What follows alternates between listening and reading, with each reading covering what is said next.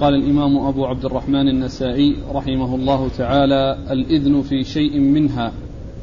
قال أخبرنا العباس بن عبد العظيم عن الأحوص بن جواب عن, عن عمار بن رزيق أنه حدثهم عن أبي إسحاق عن الزبير بن عدي عن ابن, بر عن ابن بريدة عن أبيه رضي الله عنه أنه قال قال رسول الله صلى الله عليه وآله وسلم إني كنت نهيتكم عن لحوم الأضاحي فتزودوا وادخروا ومن أراد زيارة ومن أراد زيارة القبور فإنها تذكر الآخرة واشربوا واتقوا كل مسكر. بسم الله الرحمن الرحيم، الحمد لله رب العالمين وصلى الله وسلم وبارك على عبده ورسوله نبينا محمد وعلى آله وأصحابه أجمعين.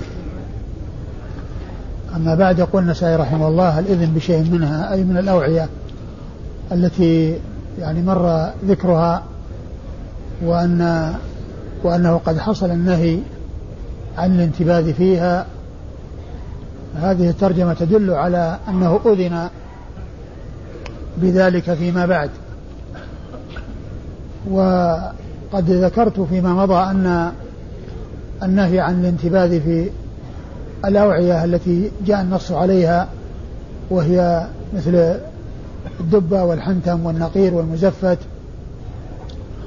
أن ذلك كان في أول أمر وكانت أوعية غليظة لا يتبين على سطحها ما إذا حصل الإسكار فيها في داخلها فكانوا نهوا عن ذلك. وبعد ذلك حصل الإذن بأن ينتبذوا في كل وعاء لكن بشرط ألا يشربوا مسكرا. والأحاديث التي أوردها النسائي هنا هي من الأحاديث التي فيها النسخ لما سبق أن حصل المنع منه وذلك في حديث بريدة بن الحصيب رضي الله تعالى عنه أن النبي صلى الله عليه وسلم ذكر ثلاثة أشياء كان نهى عنها ثم أباحها وأحلها وهو حديث كنت نهيتكم عن ادخار لحوم الأضاحي فوق ثلاث. ألا فكلوا وتزودوا أو كلوا وادخروا. وكذلك النهي عن زيارة القبور. نهي عن ذلك أولا ثم شرع للناس آخرا وبين عليه الصلاة والسلام بأن زيارتها يذكر الموت ويذكر الآخرة. ثم النهي عن الانتباه في أوعية وبعد ذلك رخص النبي صلى الله عليه وسلم في الانتباه في أي وعاء لكن بشرط أن لا يشرب الناس مسكرا. وهذا الحديث مشتمل على ثلاثة أمور ذكر فيها الناسخ والمنسوخ. الجمع بين الناسخ والمنسوخ. المنسوخ وهو عدم جواز ادخار لحوم الأضاحي فوق ثلاث ثم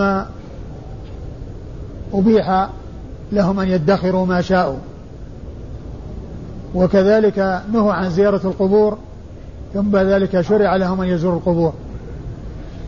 ثم كانوا نهوا عن الانتباذ في أوعية فأذن لهم أن ينتبذوا في أي وعاء ولكن لا يشربون مسكرا.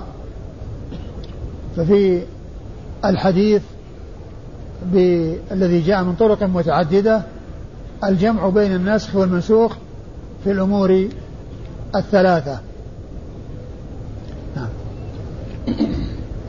قال أخبرنا العباس بن عبد العظيم. العباس بن عبد العظيم العنبري وهو ثقة أخرج له البخاري تعليقا ومسلم وأصحاب السنن.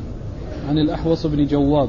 عن الأحوص بن جواب وهو صدوق ربما وهم صدوق ربما وهم أخرج له مسلم وأبو داود والترمذي والنسائي. أخرج له مسلم وأبو داود والترمذي والنسائي. عن عمار بن رزيق. عن عمار بن رزيق وهو لا بأس به. وهو لا بأس به أخرج حديثه مسلم وأبو داود والترمذي والنسائي وابن ماجه. عن أبي إسحاق. عن أبي إسحاق السبيعي عمرو بن عبد الله الهمداني ثقة أخرج له أصحاب الكتب الستة. عن الزبير بن عدي. عن الزبير بن عدي ثقة أخرج له أصحاب الكتب الستة. عن ابن بريدة. عن ابن بريدة وهو عبد الله بن بريدة بن حصيب الأسلمي وهو ثقة أخرج له أصحاب الكتب الستة. عن أبيه بريدة بن الحصيب رضي الله تعالى عنه وهو صحابي أخرج حديثه أصحاب كتب الستة. قال أخبرني محمد بن آدم بن سليمان عن ابن فضيل عن أبي سنان عن محارب بن دثار عن عبد الله بن بريدة عن أبيه رضي الله عنه أنه قال قال رسول الله صلى الله عليه وآله وسلم إني كنت نهيتكم عن زيارة القبور فزوروها ونهيتكم عن لحوم الأضاحي فوق ثلاثة أيام فأمسكوا ما بدا لكم ونهيتكم عن النبيذ إلا في سقاء فاشربوا في الأسقية كلها ولا تشربوا مسكرا. ثم ورد النسائي حديث بريدة بن الحصيب من طريق أخرى وهو مثل ما تقدم. نعم. قال أخبرني محمد بن آدم بن سليمان. محمد بن آدم بن سليمان الجهني. صدوق أخرج حديثه أبو داود والنسائي. عن ابن فضيل. عن ابن فضيل وهو محمد بن فضيل بن غزوان. صدوق أخرج له أصحاب كتب الستة. عن أبي سنان. عن أبي سنان وهو ضرار بن مرة وهو ثقة أخرج البخاري في الأدب المفرد ومسلم وأبو داود في المراسيل والترمذي والنسائي. وهو ثقة أخرج حديث البخاري في الأدب المفرد ومسلم وأبو داود في المراسيل والترمذي والنسائي. عن محارب بن دثار. عن محارب بن دثار وهو ثقة أخرج له أصحاب كتب الستة. عن عبد الله بن بريدة عن أبيه. عن عبد الله بن بريدة عن أبيه وقد مر ذكرهما. قال أخبرنا محمد بن معدان بن عيسى بن معدان الحراني. قال حدثنا الحسن بن أعين. قال حدثنا زهير. قال حدثنا زبيد عن محارب عن ابن بريدة عن أبيه رضي الله عنه أنه قال قال رسول الله صلى الله عليه وآله وسلم إني كنت نهيتكم عن ثلاث زيارة القبور فزوروها ولتزدكم زيارتها خيرا. ونهيتكم عن لحوم الأضاحي بعد ثلاث فكلوا منها ما شئتم. ونهيتكم عن الأشربة في الأوعية فاشربوا, فاشربوا في أو فاشربوا في أي وعاء شئتم ولا تشربوا مسكرا. ثم ورد النسائي حديث بريدة بن الحصيب من طريق أخرى وهو واضح في أنه نهاهم عن الانتباه في أوعية وبعد ذلك قال فانتبذوا في أي وعاء ولا تشربوا مسكرا. المهم ألا تشربوا مسكرا وأما الانتباذ فانتبذوا بأي وعاء شئتم سواء يكون سميكا أو خفيفا سيكون قاسيا أو لينا. المهم ألا تشربوا مسكرا. قال أخبرنا محمد بن معدان بن عيسى بن معدان الحراني. أخبر محمد بن معدان بن عيسى بن معدان الحراني وهو ثقة. وهو ثقة أخرج حديث الترمذي النسائي. النسائي وحده أخرج حديث النسائي وحده عن الحسن بن أعين عن الحسن بن أعين الحسن بن محمد بن أعين وهو ثقة أخرج حديث ثقة صدوق وهو صدوق أخرج حديث البخاري ومسلم والنسائي عن زهير عن زهير بن معاوية وهو ثقة أخرجه أصحاب كتب الستة. عن زبيد. عن زبيد بن الحارث اليامي وهو ثقة أخرج له أصحاب كتب الستة. عن محارب عن ابن بريدة عن أبيه. وقد مر ذكر الثلاثة. قال أخبرنا أبو بكر بن علي قال حدثنا إبراهيم بن الحجاج قال حدثنا حماد بن سلمة عن جابر بن أبي سليمان. عن حماد. عن حماد بن أبي سليمان عن عبد الله بن بريدة عن أبيه رضي الله عنه أنه قال قال رسول الله صلى الله عليه وآله وسلم كنت نهيتكم عن الأوعية فانتبذوا فيما بدا لكم وإياكم وكل مسكر. ثم ورد النسائي حديث بريدة وفيه ذكر الاقتصار على واحدة من الثلاث وهو أنه نهاهم عن الانتباذ في أوعية قال فانتبذوا في أي وعاء شئتم وإياكم وكل مسكر. يعني احذروا أن تشربوا مسكرا ولكن الانتباذ انتبذوا في أي وعاء شئتم. قال أخبرنا أبو بكر بن علي. أبو بكر بن علي هو أحمد بن علي المروزي وهو ثقة أخرج حديث النسائي وحده. عن إبراهيم بن الحجاج. عن إبراهيم الحجاج بن زيد وهو صدوق يهم. ثقة يهم قليلا. وهو ثقة يهم قليلا أخرج حديثه النسائي وحده. عن حماد بن سلمة. عن حماد بن سلمة بن دينار وهو ثقة أخرج حديث البخاري تعليقا ومسلم وأصحاب السنة الأربعة. عن حماد بن أبي سليمان. عن حماد بن أبي سليمان وهو ثقة. صدوق له أوهام. صدوق له أوهام أخرج حديث البخاري تعليقا ومسلم وأصحاب السنن. عن عبد الله بن بريدة عن أبيه. عن عبد الله بن بريدة عن أبيه وقد مر ذكرهما. قال أخبرنا أبو علي محمد بن يحيى بن أيوب مروزي. قال حدثنا عبد الله بن عثمان. قال حدثنا عيسى بن عبيد الكندي خراساني. قال سمعت عبد الله بن بريدة عن أبيه رضي الله عنه أن رسول الله صلى الله عليه وآله وسلم بينا هو يسير إذ حل بقوم فسمع لهم لغطا فقال ما هذا الصوت؟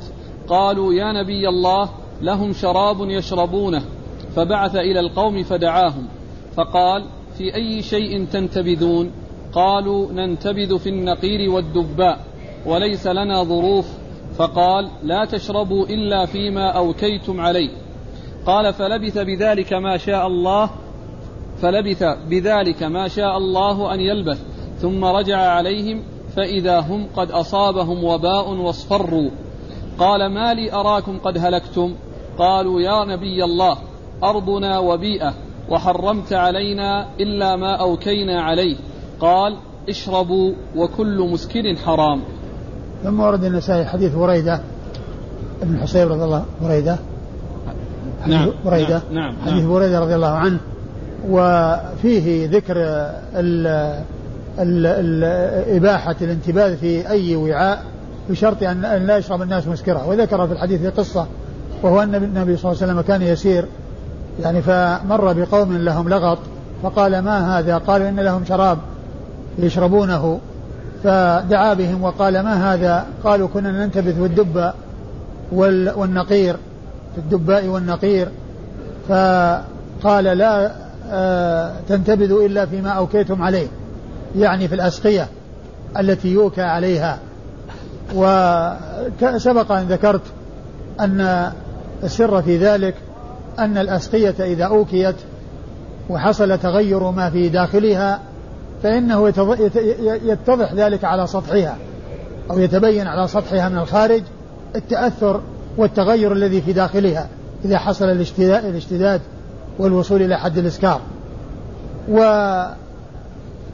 وقد نهوا عن أن ينتبذوا في الدباء وال وال والنقير التي هي الدبة التي هي القرع الذي يستخرج لبه ويبقى قشره ييبس حتى يكون وعاء. وكذلك أيضا النقير وهو جذوع النخل التي ينقر وسطها ويحفر ثم ينتبذ في ذلك. فإن أغلفتها سميكة وغليظة وقد يحصل الإسكار في داخلها ولا يتبين على ما هو في ظاهرها. وبعد ذلك النبي صلى الله عليه وسلم مر بهم وإذا هم قد آه، قد اصفروا وتغيرت ألوانهم فقال ما الذي أهلككم؟ يعني غير أحوالكم وغير أجسامكم. قالوا إن بلادنا وبيئة وإنك حرمت علينا الانتباذ يعني في آه في آه الدباء والنقير. ف قال إنك حرمت علينا إلا فيما أوكينا عليه. فقال اشربوا ولا تشربوا مسكرا. يعني اشربوا ما شئتم في أي وعاء تنتبذون فيه لكن بشرط ألا تشربوا مسكرا. قال أخبرنا أبو علي محمد بن يحيى بن أيوب مروزي.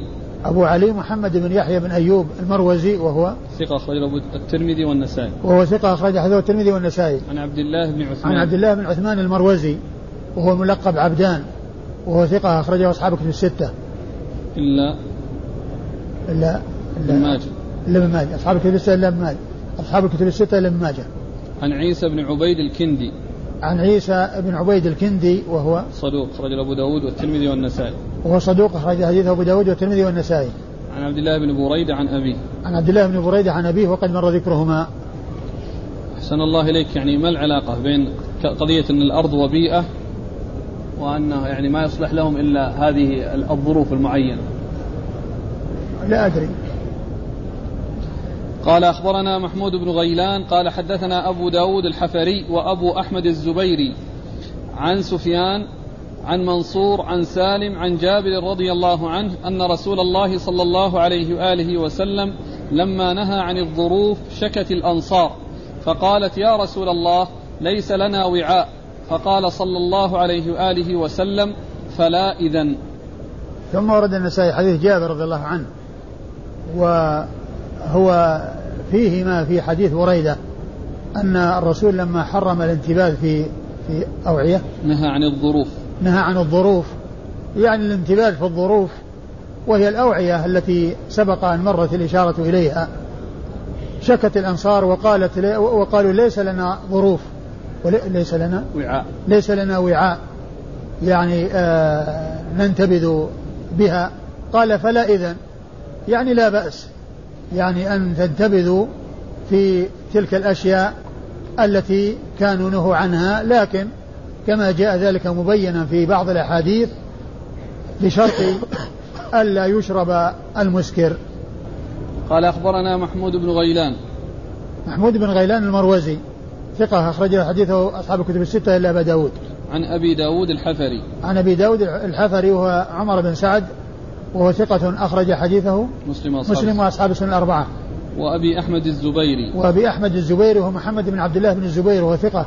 أخرج حديثه أصحاب الكتب الستة عن سفيان عن سفيان وهو بن سعيد بن مسروق الثوري ثقة فقيه أخرج حديثه أصحاب كتب الستة. عن منصور. عن منصور بن المعتمر وهو ثقة أخرج له أصحاب كتب الستة. عن سالم. عن سالم بن أبي الجعد وهو ثقة أخرج له أصحاب الكتب. وهو ثقة أخرج له أصحاب كتب الستة. عن جابر. عن جابر بن عبد الله الأنصاري رضي الله تعالى عنهما وهو آه وهو أحد السبعة المعروفين بكثرة الحديث عن النبي صلى الله عليه وسلم. قال رحمه الله تعالى منزلة الخمر قال أخبرنا سويد قال أخبرنا عبد الله عن يونس عن الزهري عن سعيد بن المسيب عن أبي هريرة رضي الله عنه أنه قال أتي رسول الله صلى الله عليه وآله وسلم ليلة أسري به بقدحين من خمر ولبن فنظر إليهما فأخذ اللبن فقال له جبريل عليه السلام الحمد لله الذي هداك للفطرة. لو أخذت الخمر غوت أمتك. ثم ورد النسائي منزلة الخمر. يعني منزلتها في الإسلام وهي الخطورة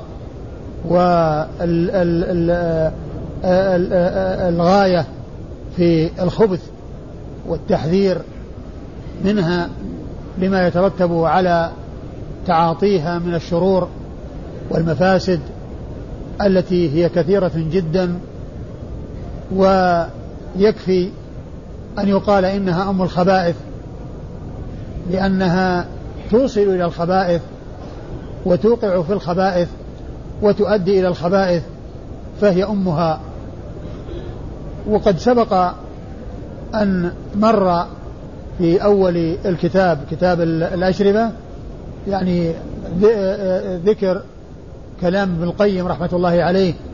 الذي أورده في حاد الأرواح إلى بلاد الأفراح من مفاسد الخمر الكثيرة المتنوعة المتعددة ثم قال بعد ذلك في آخرها وأضرارها أضعاف ما ذكرنا وفيها أنواع الشرور وأنواع الخبث ومن ما في خبثها أن صاحبها يتحول من كونه من أهل العقل إلى كونه من أهل الجنون. وكونه ذا عقل يميز به فينتقل إلى مجنون لا يميز بين النافع والضار بل يقع في كل محرم ويتعاطى كل محرم لأنه تعاطى ما يسلبه عقله ويجعله أشبه ما يكون بالبهائم والمجانين.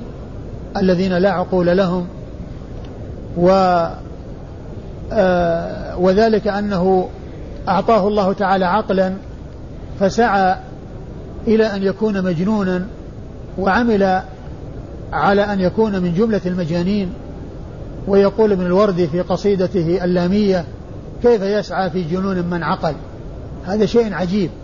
إنسان الله تعالى يعطيه عقل ثم يسعى جاهدا إلى أن يكون مجنونا ويبحث عن الجنون ويسعى إلى أن يحصل الجنون كيف يسعى في جنون من عقل؟ هذا شيء غريب وعجيب.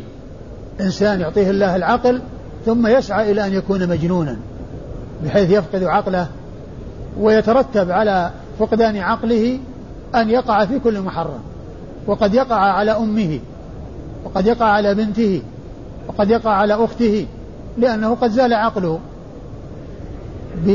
بفعله وكسبه وإرادته فهي أم الخبائث. فمنزلتها أنها خطيرة وأن شأنها خطير ولهذا جاء التحذير عنها من أوجه كثيرة وبعبارات مختلفة وعلى أوجه مختلفة. وقد أورد النسائي حديث أبي هريرة. حديث أبي هريرة رضي الله تعالى عنه أن النبي صلى الله عليه وسلم لما أسري به أتي بقدحين قدح من لبن وقدح من خمر فاختار اللبن فقال له جبريل الحمد لله اخترت الفطرة ولو أخذت الخمر لغوت أمتك وذلك أن اللبن الذي هو قال عنه إنه الفطرة لأن لأنه لأن الفطرة هو هي الشيء الذي فطر الناس عليه والذي هو الأصل وغيره طارئ. ومن المعلوم أن اللبن هو أصل الغذاء الذي يتغذى به الإنسان عندما يوجد في هذه الحياة. من حين ما يولد أول ما يتغذى به اللبن. فهو الشيء الذي هو الأصل والذي هو أول غذاء للإنسان. وفيه البياض و من صفاته البياض. وأما الخمر فإنها أم الخبائث وفيها آه، الغواية وفيها الخبث وفيها الوقوع في كل شر. فهدى الله رسوله الكريم محمدا صلى الله عليه وسلم أن يختار أن يختار اللبن فقال له جبريل إنك الحمد لله إنك اخترت الفطرة أي الشيء الذي هو الأصل. قال أخبرنا سويد. سويد بن سويد بن نصر المروزي ثقة أخرج حديثه الترمذي والنسائي. عبد الله. عن عبد الله بن المبارك المروزي ثقة أخرج له أصحاب الكتب الستة. عن عن الز... عن يونس. عن يونس بن يزيد الأيلي وهو ثقة أخرجه أصحاب الكتب الستة. عن الزهري. عن الزهري محمد بن مسلم بن عبيد الله بن شهاب الزهري ثقة أخرجه أصحاب الكتب الستة. عن سعيد بن المسيب. عن سعيد بن المسيب وهو ثقة فقيه من فقهاء المدينة السبعة في عصر التابعين. أخرج حديثه أصحاب الكتب الستة. عن أبي هريرة. عن أبي هريرة عبد الرحمن بن صخر الدوسي صاحب رسول الله صلى الله عليه وسلم وأكثر أصحابه حديثا على الإطلاق رضي الله تعالى عنه.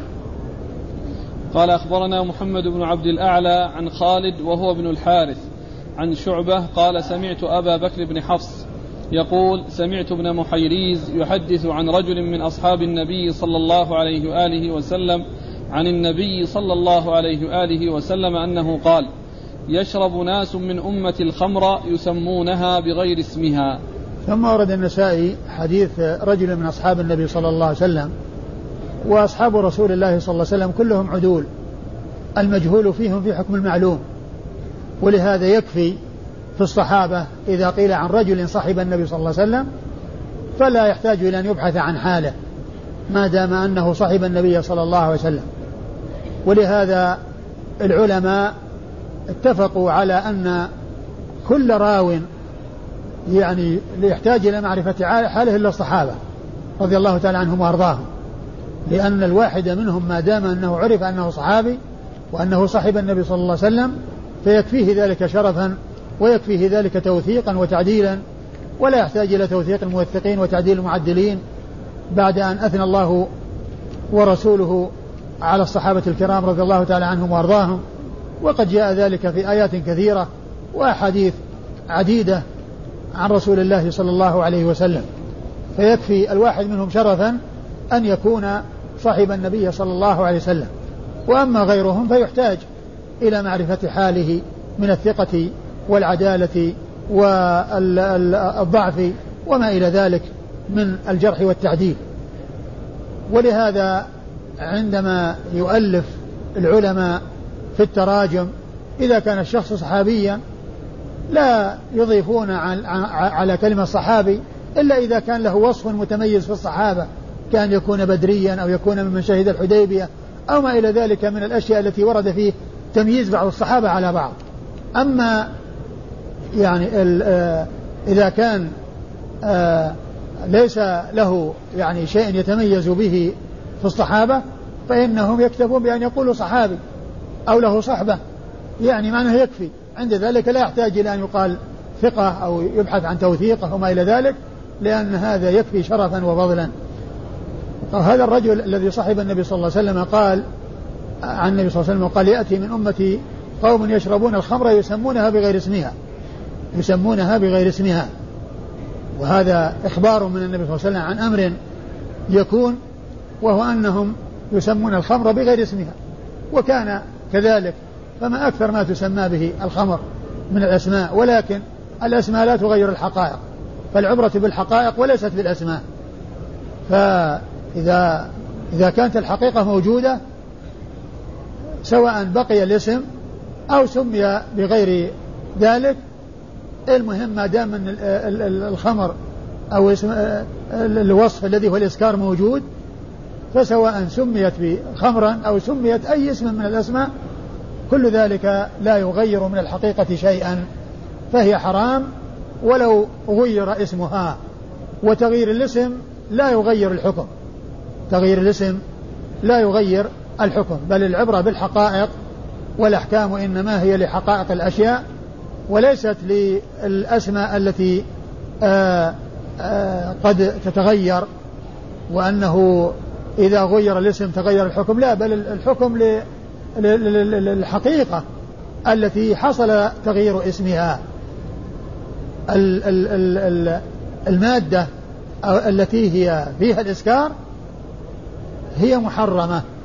سميت يعني بقيت على اسمها خمرا أو سميت بأي اسم آخر. لا يغير تغير التسمية من الحقيقة شيئا. فالعبرة بالحقائق لا بالأسماء ال ال التي تضاف إليها أو تلصق بها أو تسمى بها. نعم. قال أخبرنا محمد بن عبد الأعلى. محمد بن عبد الأعلى وهو ثقة أخرج حديثه مسلم وأبو داود في القدر والترمذي والنسائي وابن ماجه. عن خالد وهو عن خالد بن الحارث وهو ثقة أخرجه أصحاب كتب الستة. عن شعبة عن شعبة بن الحجاج الواسطي ثم البصري وهو ثقة وصف بأنه أمير المؤمنين في الحديث وحديث أخرجه أصحاب كتب الستة. عن أبي بكر بن حفص عن أبي بكر بن حفص وهو عبد الله بن حفص بن عمر وهو عبد الله بن حفص وهو ثقة أخرجه أصحاب الكتب وهو ثقة أخرجه أصحاب الكتب الستة. عن عن ابن محيريز عن ابن محيريز وهو عبد الله بن محيريز وهو ثقة أخرجه أصحاب الكتب الستة. قال رحمه الله تعالى ذكر الروايات المغلظات في شرب الخمر. قال أخبرنا عيسى بن حماد قال أخبرنا الليث. كتب عن عقيل. عقيل. عن عقيل عن ابن شهاب عن أبي بكر بن عبد الرحمن بن الحارث عن أبي هريرة رضي الله عنه أنه قال قال رسول الله صلى الله عليه وآله وسلم لا يزني الزاني حين يزني وهو مؤمن. ولا يشرب الخمر شاربها حين يشربها وهو مؤمن ولا يسرق السارق حين يسرق وهو مؤمن ولا ينتهب نهبة يرفع الناس إليه فيها أبصارهم حين ينتهبها وهو مؤمن. ثم ورد النسائي الروايات المغلظة في شرب الخمر. يعني ما ورد من الروايات فيها التغليظ في شرب الخمر وأنه خطير و قد أورد النسائي حديث أبي هريرة رضي الله عنه لا يزني الزاني حين يزني وهو مؤمن. لا يزني الزاني حين يزني وهو مؤمن يعني معناه أنه في حالة زناه ليس مؤمنا كاملا بل حصل عنده نقص في حال زناه وفي الوقت الذي زنى فيه وفي الحالة التي تلبس فيها بالمعصية. فإنه آه لو كان مؤمنا حقا ولو كان مؤمنا كامل الإيمان لمنعه إيمانه من أن يقع في ذلك الأمر المحرم الذي هو معلوم من دين الإسلام بالضرورة تحريمه. فيدل على أن الزاني مرتكب كبيرة من الكبائر ولكنه لا يكون كافرا ولكنه مؤمن ناقص الإيمان. مؤمن ناقص الإيمان. إلا إذا كان مستحلا فإنه يكفر. إذا استحل الزنا فإنه يكون كافرا. وأما إذا لم يستحله فإنه لا يكون كافرا ولكنه ارتكب أمرا خطيرا وأمرا عظيما وصار ممن عنده إيمان وعنده معصية. وهذا هو مذهب أهل السنة والجماعة في مرتكب الكبائر أنهم آه لا يسلبون أصل الإيمان ولا يسلبون اسم الإيمان ولا يعطون الاسم الكامل للإيمان.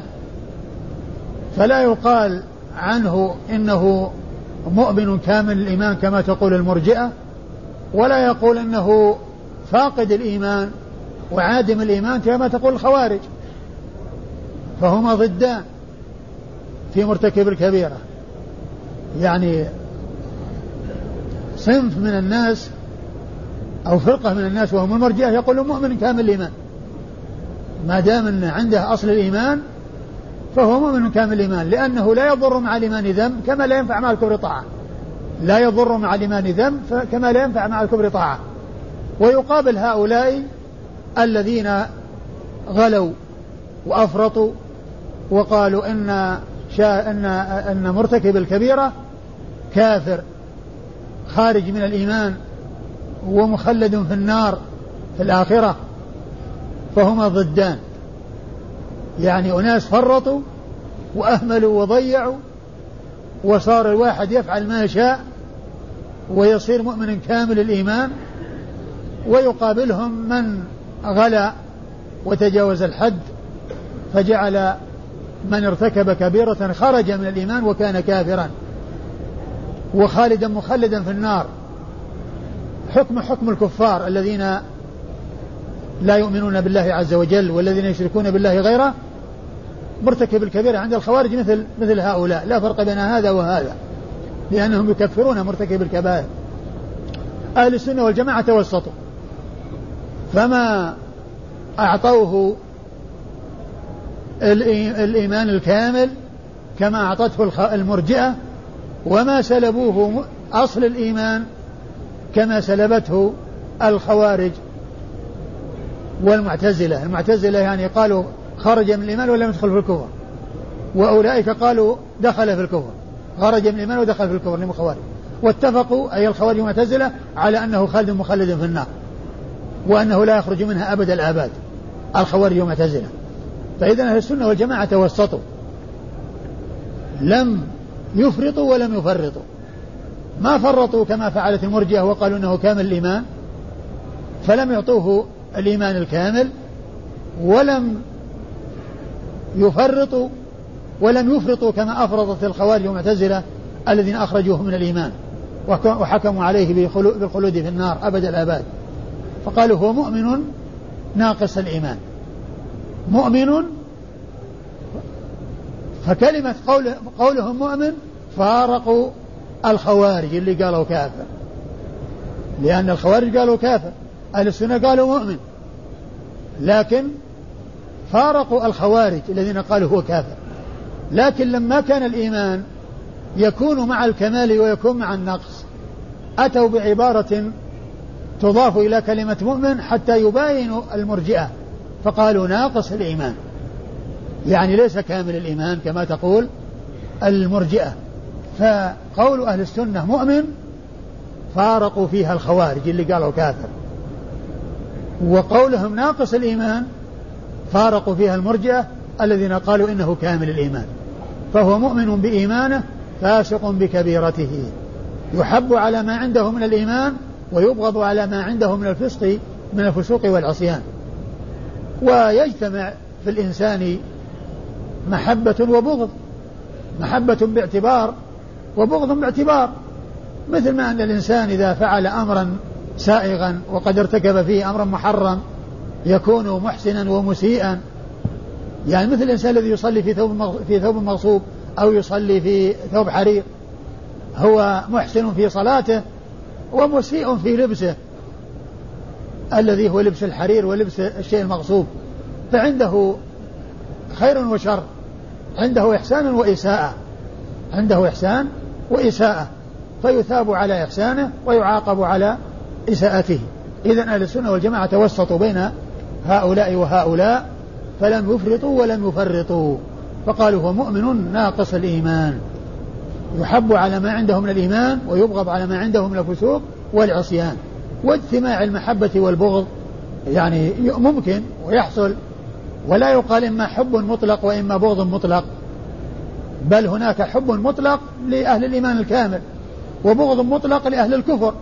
ومن كان عنده تخليط وعنده خير وشر يحب على ما عنده من الإيمان ويبغض على ما عنده من الفسوق والعصيان ويمثلون لذلك ببيت من الشعر فيه ذكر الشيب وأنه يكون محبوبا باعتبار ومبغوضا باعتبار. الشيب محبوبا باعتبار ومبغوضا باعتبار. يقول الشاعر الشيب كره وكره أن أفارقه. فاعجب لشيء على البغضاء محبوب. الشيب كره إذا قيس في الشباب ما هو مرغوب فيه. الشباب مقدم عليه. ولكن إذا نظر إلى ما بعده وهو الموت صار مرغوبا فيه باعتبار ما وراءه. فهو محبوب باعتبار ما وراءه ومكروه باعتبار ما قبله. الشيب كره وكره أن يفارقه. يعني مع كونه مكروه فهو يكره أن يفارقه. يعني يحب البقاء. يحب البقاء عليه. لأن ما وراءه يجعله محبوبا. وما قبله يجعله مكروها. فالشيء يكون محبوبا باعتبار ومبغوضا باعتبار وهكذا أصحاب المعاصي. لا يبغضون كما يبغض الكفار ولا يحبون كما يحب من هو كامل الإيمان. ولكنهم يبغضون يحبون على ما عندهم من الإيمان ويبغضون على ما عندهم من الفسوق والعصيان وهذا مذهب أهل السنة والجماعة وهم وسط بين المفرطين والمفرطين. لا يزني الزاني حين حين يزني وهو مؤمن ولا يشرب الخمر حين يشربها وهو مؤمن ولا يسرق السارق حين يسرق وهو مؤمن ولا ينتهب نهبة ذات شرف يرفع الناس إليه أبصارهم وهو مؤمن. نعم. قال أخبرنا عيسى بن حماد. عيسى بن حماد هو المصري وهو ثقة أخرج هذا مسلم وأبو داود والنسائي وابن ماجه. والنسائي وابن ماجه. عن الليث. عن الليث بن سعد المصري وهو ثقة فقيه أخرجه أصحاب كتب الستة. عن عقيل. عن عقيل بن خالد بن عقيل. هو عقيل وجده عقيل. وهذا يعني فيه الائتلاف والاختلاف. تتفق الألفاظ من حيث الرسم ولا تخت... ولكنها تختلف من حيث الشكل. تتف... تخت... ولكنها تفترق من حيث الشكل. عقيل وعقيل. فاسمه عقيل وجده عقيل. عقيل بن خالد بن عقيل المصري وهو ثقة أخرج حديث أصحاب كتب الستة. عن ابن شهاب عن أبي بكر بن عبد الرحمن بن الحارث. عن أبي عن ابن شهاب وقال مر ذكره وأبو بكر بن عبد الرحمن بن الحارث ابن هشام هو ثقة فقيه من فقهاء المدينة السبعة في عصر التابعين. على أحد الأقوال الثلاثة في السابع منهم. والفقهاء السبعة هم آه، المتفق على عدهم آه، آه، عبيد الله بن عبد الله بن عتبة بن مسعود وسعيد بن المسيب وخارجة بن زيد بن ثابت وعروة بن الزبير بن العوام والقاسم بن محمد بن أبي بكر وسليمان بن يسار. هؤلاء ستة اتفق على عدهم في الوقاية السبعة. والسابع فيه ثلاث أقوال. قيل أبو بكر بن عبد الرحمن بن الحارث بن هشام هذا الذي معنا في الإسناد. وقيل أبو سلمة بن عبد الرحمن بن عوف الذي يأتي ذكره كثيرا. وقيل سالم بن عبد الله بن عمر بن الخطاب. وقد ذكر ابن القيم رحمه الله في إعلام الموقعين في أوله إعلام الموقعين وهو إعلام وليس أعلام لأنه ليس ليس كتاب تراجم وإنما هو كتاب إخبار. إعلام بمعنى الإخبار. الموقعين عن رب العالمين الذين يفتون ويبينون الشرع.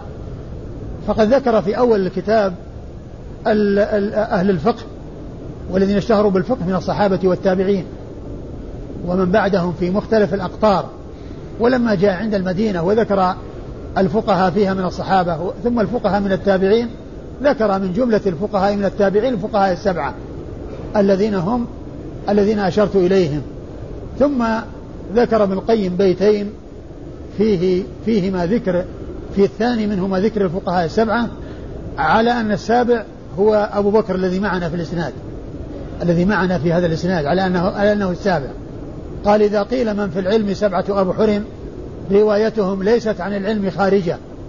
فقل هم عبيد الله عروة قاسم سعيد أبو بكر سليمان خارجة. فقل هم أبو هم عبيد الله ابن عبد الله بن عتبة مسعود عبيد الله عروة عروة بن الزبير آه، قاسم القاسم محمد بن بكر الصديق آه، قاسم سعيد سعيد المسيب أبو بكر بن عبد الرحمن بن الحارث بن هشام سليمان بن يسار خارجة بن زيد بن ثابت. عن أبي هريرة.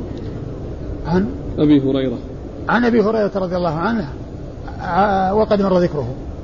قال أخبرنا إسحاق بن إبراهيم قال حدثنا الوليد بن مسلم عن الأوزاعي عن الزهري قال حدثني سعيد بن المسيب وأبو سلمة بن عبد الرحمن وأبو بكر بن عبد الرحمن كلهم حدثوني عن أبي هريرة رضي الله عنه عن النبي صلى الله عليه وآله وسلم أنه قال لا يزني الزاني حين يزني وهو مؤمن ولا يسرق السارق حين يسرق وهو مؤمن ولا يشرب الخمر حين يشربها وهو مؤمن ولا ينتهب نهبة ذات شرف يرفع المسلمون إليه أبصارهم وهو مؤمن ثم ورد النسائي حديث أبي هريرة من طريق أخرى وهو مثل ما تقدم. قال أخبرنا إسحاق بن إبراهيم. إسحاق بن إبراهيم مخلد بن راهوية الحنظلي المروزي ثقة أخرج حديث أصحاب كتب الستة إلى ابن ماجه. عن الوليد بن مسلم. عن الوليد بن مسلم وهو ثقة أخرج حديث أصحاب كتب الستة ثقة يدلس. نعم. عن الأوزاعي. عن الأوزاعي عبد الرحمن بن عمرو الأوزاعي ثقة فقيه أخرج له أصحاب كتب الستة. عن الزهري عن سعيد بن المسيب وأبي سلمة وأبي بكر بن عبد الرحمن. عن الزهري عن سعيد المسيب وقد مر ذكره وأبي سلمة بن عبد الرحمن بن عوف وهو ثقة فقيه من فقهاء المدينة السبعة على أحد الأقوال الثلاثة في السابع منهم وأبو بكر بن عبد الرحمن الذي مر ذكره وعلى هذا فالإسناد هذا فيه ثلاثة من التابعين آه، واحد منهم من الفقهاء السبعة بالاتفاق اللي هو سعيد واثنان وهما أبو سلمة وأبو بكر بن عبد الرحمن ممن اختلف في آه، جعله السابع منهم قال عن أبي هريرة وقد مر ذكره. قال أخبرنا إسحاق بن إبراهيم قال أخبرنا جرير عن مغيرة عن عبد الرحمن بن أبي نعيم.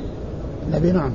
عن عبد الرحمن بن أبي نعم عن, عن ابن عمر رضي الله عنهما ونفر من أصحاب محمد صلى الله عليه وآله وسلم أنهم قالوا قال رسول الله صلى الله عليه وآله وسلم من شرب الخمر فاجلدوه ثم إن شرب فاجلدوه.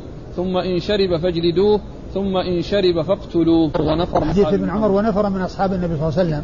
أن النبي صلى الله عليه وسلم قال إذا شرب من شرب. من شرب الخمر فاجلدوه. ثم إن شرب فاجلدوه. ثم إن شرب فاجلدوه. ثم إن شرب فاجلدوه. ثم إن شرب فاجلدوه. ثم إن شرب ثم إن شرب فاقتلوه. يعني ذكر ثلاث مرات إيه. الجلد نعم. ثم ذكر الرابعة. نعم. يعني ذكر الجلد ثلاث مرات ثم في الرابعة يقتل. وهذا يدل على يعني غلظ يعني آه، آه، الخمر وخطورته وشدة آه، البلاء الذي فيها وخطورة عقوبته. نعم. قال أخبرنا إسحاق بن إبراهيم عن جرير. والحكم اختلف فيه العلماء فجمهورهم رأوا أنه لا يقتل شارب الخمر. وبعض أهل العلم قال إنه يقتل يعني لهذا الحديث. وقالوا إن ذلك منسوخ. يعني الجمهور قالوا إنه منسوخ. ولا أدري يعني إيش هو الناسخ يعني لذلك. يعني بأن يكون هناك نص خاص يعني ينسخ ذلك لا أعرف يعني شيء في هذا. لكن الحديث واضح. الدلالة على أنه يقتل وبه قال بعض أهل العلم والشيخ أحمد شاكر رحمة الله عليه ألف رسالة خاصة سماها القول الفصل في قتل مدمن الخمر. وش رجح؟ رجح القتل. قال أخبرنا إسحاق بن إبراهيم عن جرير. آه، إسحاق بن إبراهيم مر ذكره. جرير بن عبد الحميد الضبي وهو ثقة أخرجه أصحاب كتب الستة.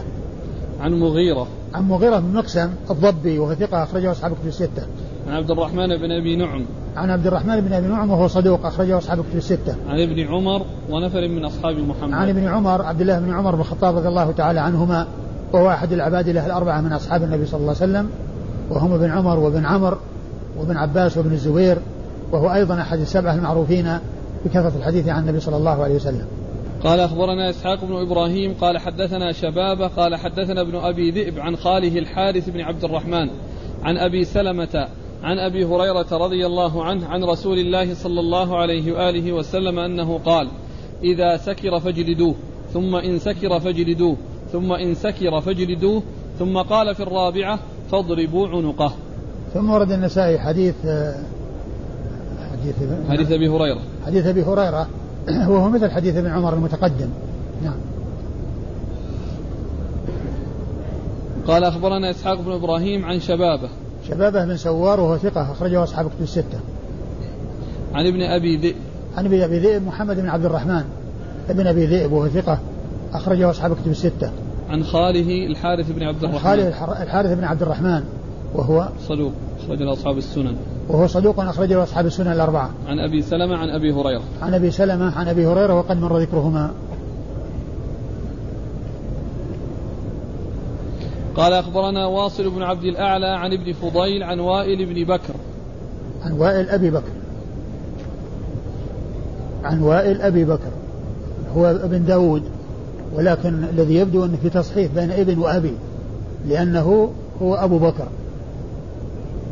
فيمكن أن تكون وائل عن وائل أبي بكر بدل ابن وهو وائل بن داود.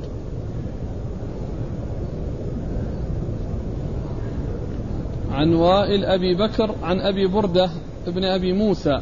عن أبيه رضي الله عنه أنه كان يقول ما أبالي شربت الخمر أو عبدت هذه السارية من دون الله عز وجل. من الصحابي أبو موسى؟ أي نعم.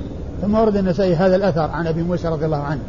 يبين خطورة الخمر وأنها أمرها خطير وأن شأنها ليس بالأمر الهين وأن أو أنه ذنب عظيم عنده وأنه قال يعني لا أبالي شربت الخمر أو عبدت هذه السارية من دون الله. لأن كل ذلك يعتبره عظيما ويعتبره خطيرا. لكن لا يعني أن أنه يسوى بينهما يعني في الحكم ولكنه يعني يدل على غرض الخمر وعلى أن ال ال أن أن فاعل ذلك يشبه عابد الوثن ويشبه عابد الصنم. ولكن لا يعني أن شارب الخمر يكون كافرا إلا مع الاستحلال. أما إذا كان مستحلا فيكفر. أما بدون استحلال فإنه لا يكون كافرا. ولكن هذا من باب التغليظ وبيان الخطورة يعني في الذنب وأنه خطير للغاية وأن آه، من كان من أهل التقوى والإيمان فإنه يعتبره في غاية الفظاعة وفي غاية الخطورة. لا سيما وشرب الخمر يأتي بكل بلاء ويأتي بكل شر ويجر على كل فساد. نعم. قال أخبرنا واصل بن عبد الأعلى. واصل بن عبد الأعلى. صدوق. ثقة أخرج هذا مسلم وأصحاب السنن. عن ابن فضيل عن وائل أبي بكر. عن ف... عن ابن فضيل وهو محمد بن فضيل مر ذكره وائل ابن داود أبي بكر. وهو ثقة أخرج البخاري في الأدب المفرد وأصحاب السنن. وهو ثقة أخرج حديث البخاري في الأدب المفرد وأصحاب السنن الأربعة. عن أبي بردة بن أبي موسى. عن أبي بردة بن أبي موسى وهو ثقة أخرجه أصحاب الكتب الستة. عن أبي موسى عبد الله بن قيس الأشعري رضي الله تعالى عنه وحديثه أخرجه أصحاب الكتب الستة. قال رحمه الله تعالى ذكر الروايات المبينة عن صلوات شارب الخمر. والله تعالى أعلم وصلى الله وسلم وبارك على عبده ورسوله نبينا محمد وعلى آله وأصحابه أجمعين.